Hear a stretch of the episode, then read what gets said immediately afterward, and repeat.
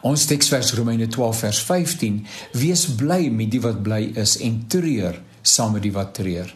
Die media speel so 'n belangrike rol om ons ingelig te hou.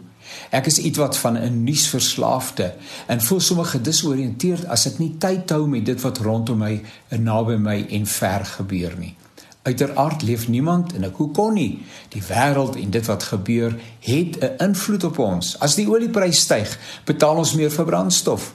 As voëlgriep uitbreek, is ander produkte duurder en selfs onverkrygbaar soos in die onlangse verlede eiers. Natuurlik is die teendeel ook waar. As dit goed gaan met die wêreld, dan gaan dit goed met ons.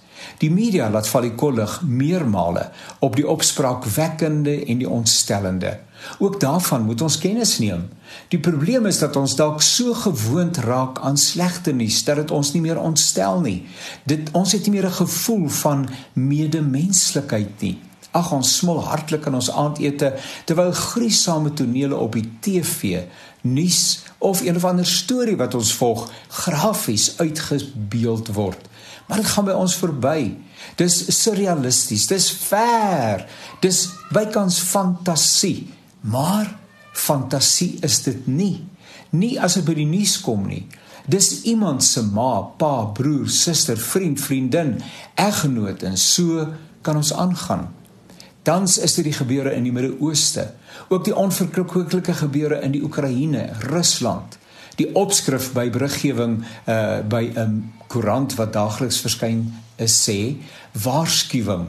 Fotos en beeldmateriaal in hierdie oorlogsdekking mag sommige lesers ontstel.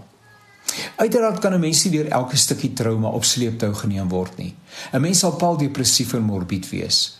Op 'n manier moet 'n mens gesonde afstand handhaaf. En tog wonder ek of ons nog ontsteld word oor die onreg, die bloedvergieting, die saakbeskadiging, die verwoesting, die swaar kry en die lewensverlies wat sigself wêreldwyd uitspeel.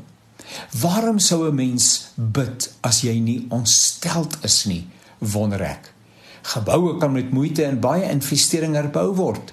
Infrastruktuur kan herstel word.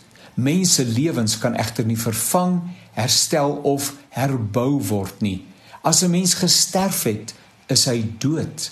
Kinders veral wat in die oor en weer skietery verwond en vermink word, gaan die toekoms met daai letsels tegemoet. Dit kon my kind, jou kind gewees het. Ons het geen aandeel dat ons in Suid-Afrika woon en nie in Sudan nie. Kom ons raak weer 'n slag ontsteld. Daar is eintlik geen ander opsie nie.